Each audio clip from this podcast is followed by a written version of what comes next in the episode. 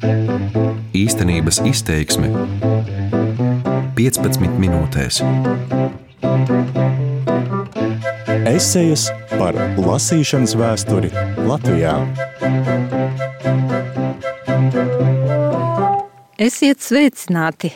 Mani sauc Lilija Limane, esmu Latvijas Nacionālās bibliotēkas pētniece, un šodien vēlos dalīties dažās atziņās par lasīšanas vēsturi 19. gadsimtā. 19. gadsimtu Latvijas vēsturē dēvē par garo gadsimtu, jo te, kā karuselī, notikumi strauji nomaina citu citu, tostarp arī latviešu grāmatniecībā. Vairāk nekā jebkuru citu to dēvē par lasīšanas gadsimtu.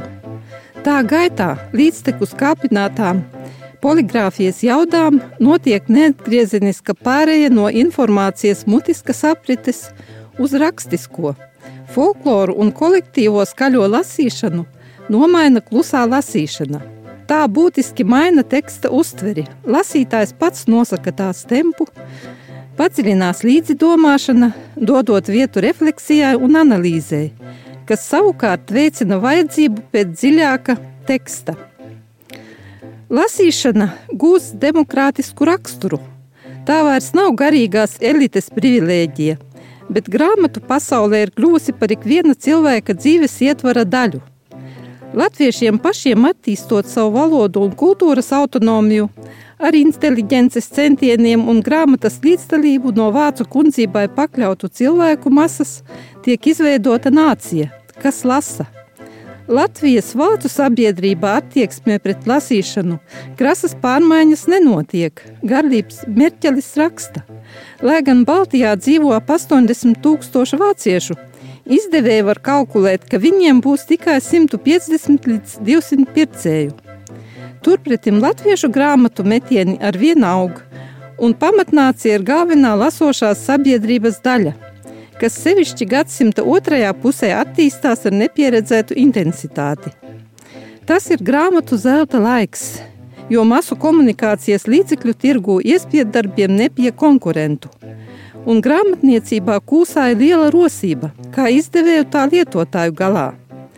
Gadsimta sākumā pēc statistikas datiem lasīt prata puse latviešu.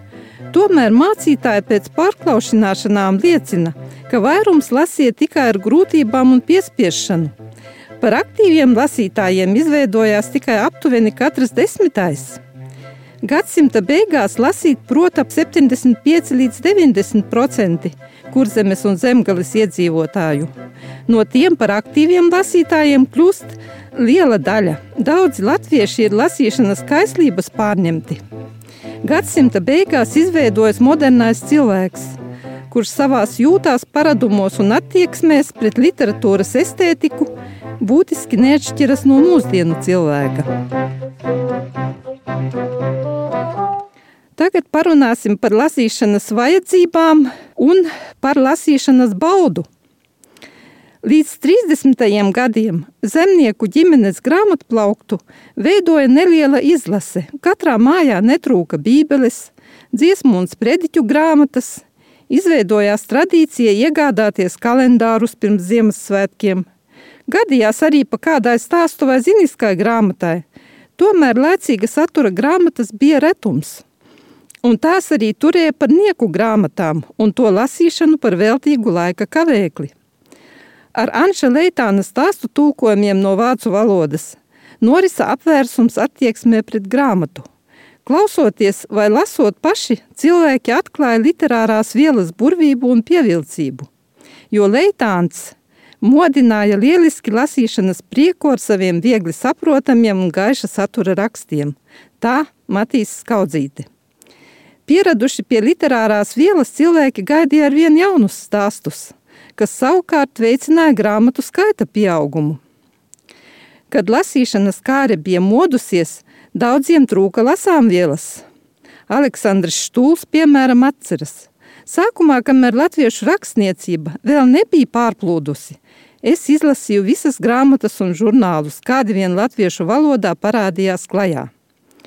Tāpēc grāmatas labi iegaumēja un pārlasīja, izsakoties rakstnieka Ernesta Dinsberga vārdiem, desmitreiz caurlasīja, un tad arī krieti zināja, kas tur iekšā.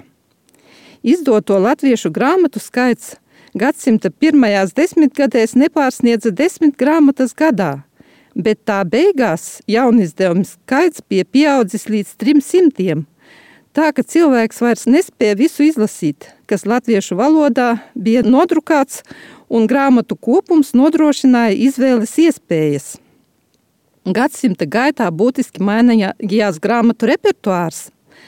Neobligāto no augšas mācītāju, mužnieku un citu dzīves noteicēju neuzspiesto grāmatu skaits strauji pieauga, sākot ar 30. un 50. gadiem. Ietverot reliģiski moralizējošas apceres, kas žanriski veido starpslāni starp reliģisko lasāmvielu un daļu literatūru, Ziniskās un praktiskās grāmatas, dažādojas mācību grāmatu klāsts, iznāk aktualitāšu izdevumi.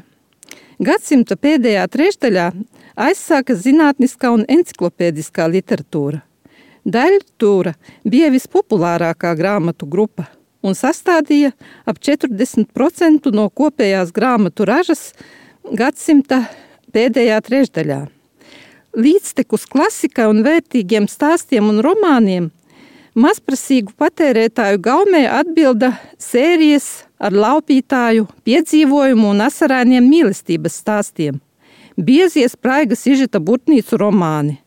Gadsimta otrajā pusē mazvērtīgi prozas darbi un dzējoļi, mīlestības vēsturnieki, sapņu tūki, kāršu izstāstīšanas un līdzīgi laika kavēkļa izdevumi sazēla kā nezāles pēc lietus – Cilvēki pilsētās un laukos āka pēc grāmatām apgūt smalkas uzvedības standartus. Tāpat laikā grāmatniecība bagātinājās ar vērtīgu saturu. Izdodamās literatūras repertuāru noteica tirgus. Grāmatu ražošanai arvien vairāk veidojoties kā pašregulējošai sistēmai. Kad izdevēja darbības stimuls ir nevis sabiedriskais pasūtījums, bet stihisks publikas pieprasījums. Un tagad par lasītājiem. Kādas grupas tie veidoja un kādi viņi bija. Gadsimta pēdējā trešdaļā grāmatu kultūra bija attīstīta visos sociālajos slāņos. Zemnieku mājās meklējami galvenie populārās lasāmvielas patērētāji. Daudziem bija uzkrāta pat vesela bibliotēka ar lētiem sacerējumiem. Fenomenālu popularitāti ieguva vācu tautas grāmatu autors Kristofs Šmīts ar grāfa lielmāti Genovevu, karalielskungu Eistāķiju, puķu kurvīti un citiem līdzīgiem darbiņiem. Laukos sentimentālos stāstus, kas atbilda masu lasītāju daļas iekonservētajai gaumē, lasīja gadu desmitiem ilgi. Kārlis Skalbi atceras, bet mūsu mazā mājā vislabāk patika grāmatas, kur varēja labi izraudāties – Tādām jau zem virsraksta stāvēja sirdi aizgrābjošs stāsts. Ik katra grāmata nāca ar pievilcīgu solījumu. Priežu kalna roze, temzes dēls, pēdējais inkasu karalis, teku atradējs, raugās manī no atmiņu puskrēslas kā romantiskas sejas. Lasāmvielas piedāvājumam dažādojoties, asaraino romantiku papildina asi un spraigi sižeti. Pieaugušo lasošās sabiedrības daļu veidoja skolu jaunieši laukos un pilsētās. Viņu vidū populāri bija laupītāju un piedzīvojumu stāsti. Meitenes labprāt izvēlējās biezos burtnīcu romānus, tādus iecienītus tūkojumus kā Bālā Grēfene vai Belgradas Roze. Anna Lācis atmiņās par bērnībā lasīto lubu literatūru min Lauru kuras būtnīcas slēpusi zem skolas grāmatām, jo māte neļāvusi lasīt sēnalu literatūru.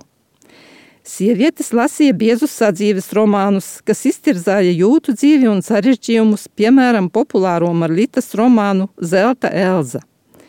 Arī dzējoļi meiteņu vidū bija cieņā. Sievietes romānu žanra cienītāju vidū veido galveno adresātu, un līdz ar jauniešiem un pusauģiem ir strauji augoša lasītāju grupa. Saimnieki laukos izvēlējās grāmatas vai avīzes, lai būtu informēti par jaunumiem pasaulē, interesējās par sabiedrisko un sociālo problemātiku, papildināja zināšanas saimniecībā vai pievērsās realistiski ievirzītāji daļliteratūrai. Piemēram, Valodnieka un folklorista Pētera Šmita tēvs runājis par Neikenu, Krišjāni Valdemāru, Krišjāni Kalniņu, Vēberu un Dīriķi. 90. gados grāmatas prestižs sabiedrībā ir augsts. Nelasošs cilvēks nevar skaitīties attīstīts un izglītots. Prestižs tomēr vēl nebija dzinulis ņemt rokās grāmatu. Lasīja aiz intereses, tāpēc, ka grāmata ir labākais vientulības stundu draugs, tā Kārlis Skalbe. Tomēr daudziem grāmatu draugiem trūka atlases kritēriju un sistēmas. Ļoti daudzi lasīja katru grāmatu, kas nejauši pagadījās rokās. Aktīvi jaunie cilvēki izlasīja visu viņiem pieejamo, atrastu bēniņos, savās vai kaimiņu mājās, kolportiera somā vai uz tirgus letes. Gadsimta gaitā izveidojās arī elitārā latviešu sabiedrības daļa. Tajā ietilpa Pēterburgas un Tērbatas augstskolās izglītotie intelektuāļi, liela daļa tautskolotāju, literāti, ierēģi un citi.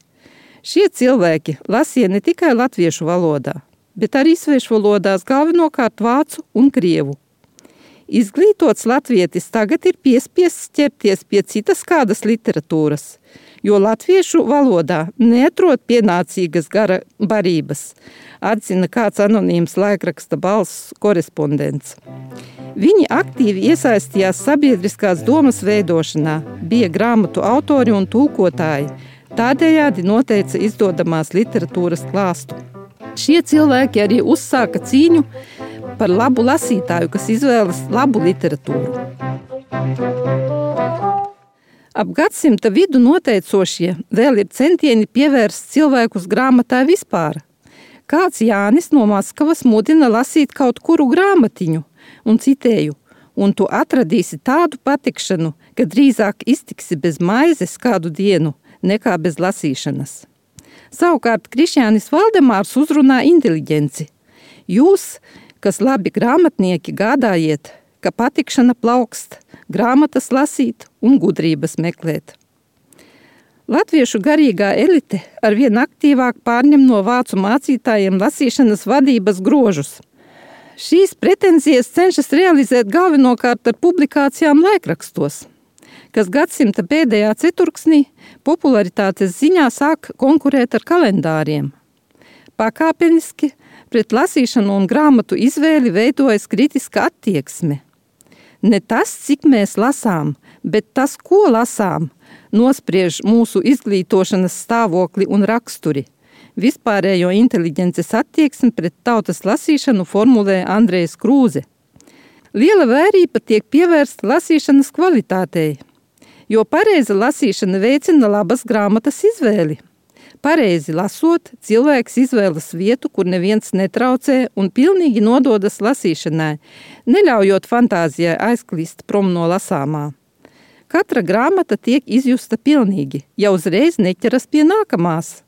Lēna un apdomīga lasīšana tiek vērtēta augstāk par daudz lasīšanu, jo ne tas, cik mēs lasām, bet tas, ko lasām, nospriež mūsu izglītošanas stāvokli un raksturi secina Andrejs Krūze.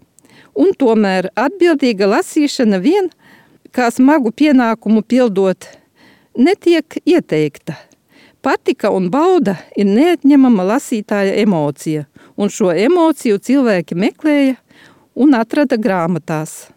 Un pat vairāk. Gadsimta beigu cēlienā daudziem grāmatu mīļotājiem lasīšana ir kļuvusi par kaislību, varbūt pat atkarību – Kritiķiem nākas atzīt, ka lielākā daļa lasa tādas grāmatas, kas kairina lasītāja iedomu, modina zinkārību, bet nedod teicamas gara darbības.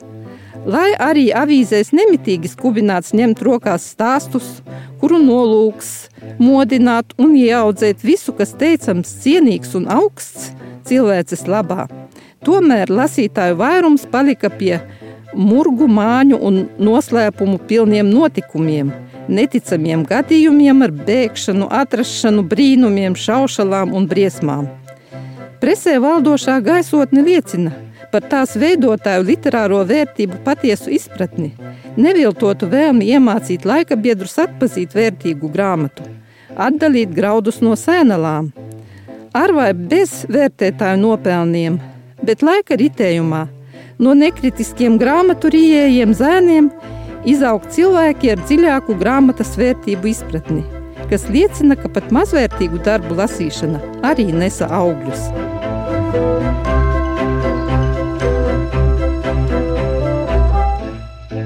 Studijā bija un iespaidos par lasīšanas vēsturi 19. gadsimtā dalījās Lilija Limane. Īstenības izteiksme 15 minūtēs.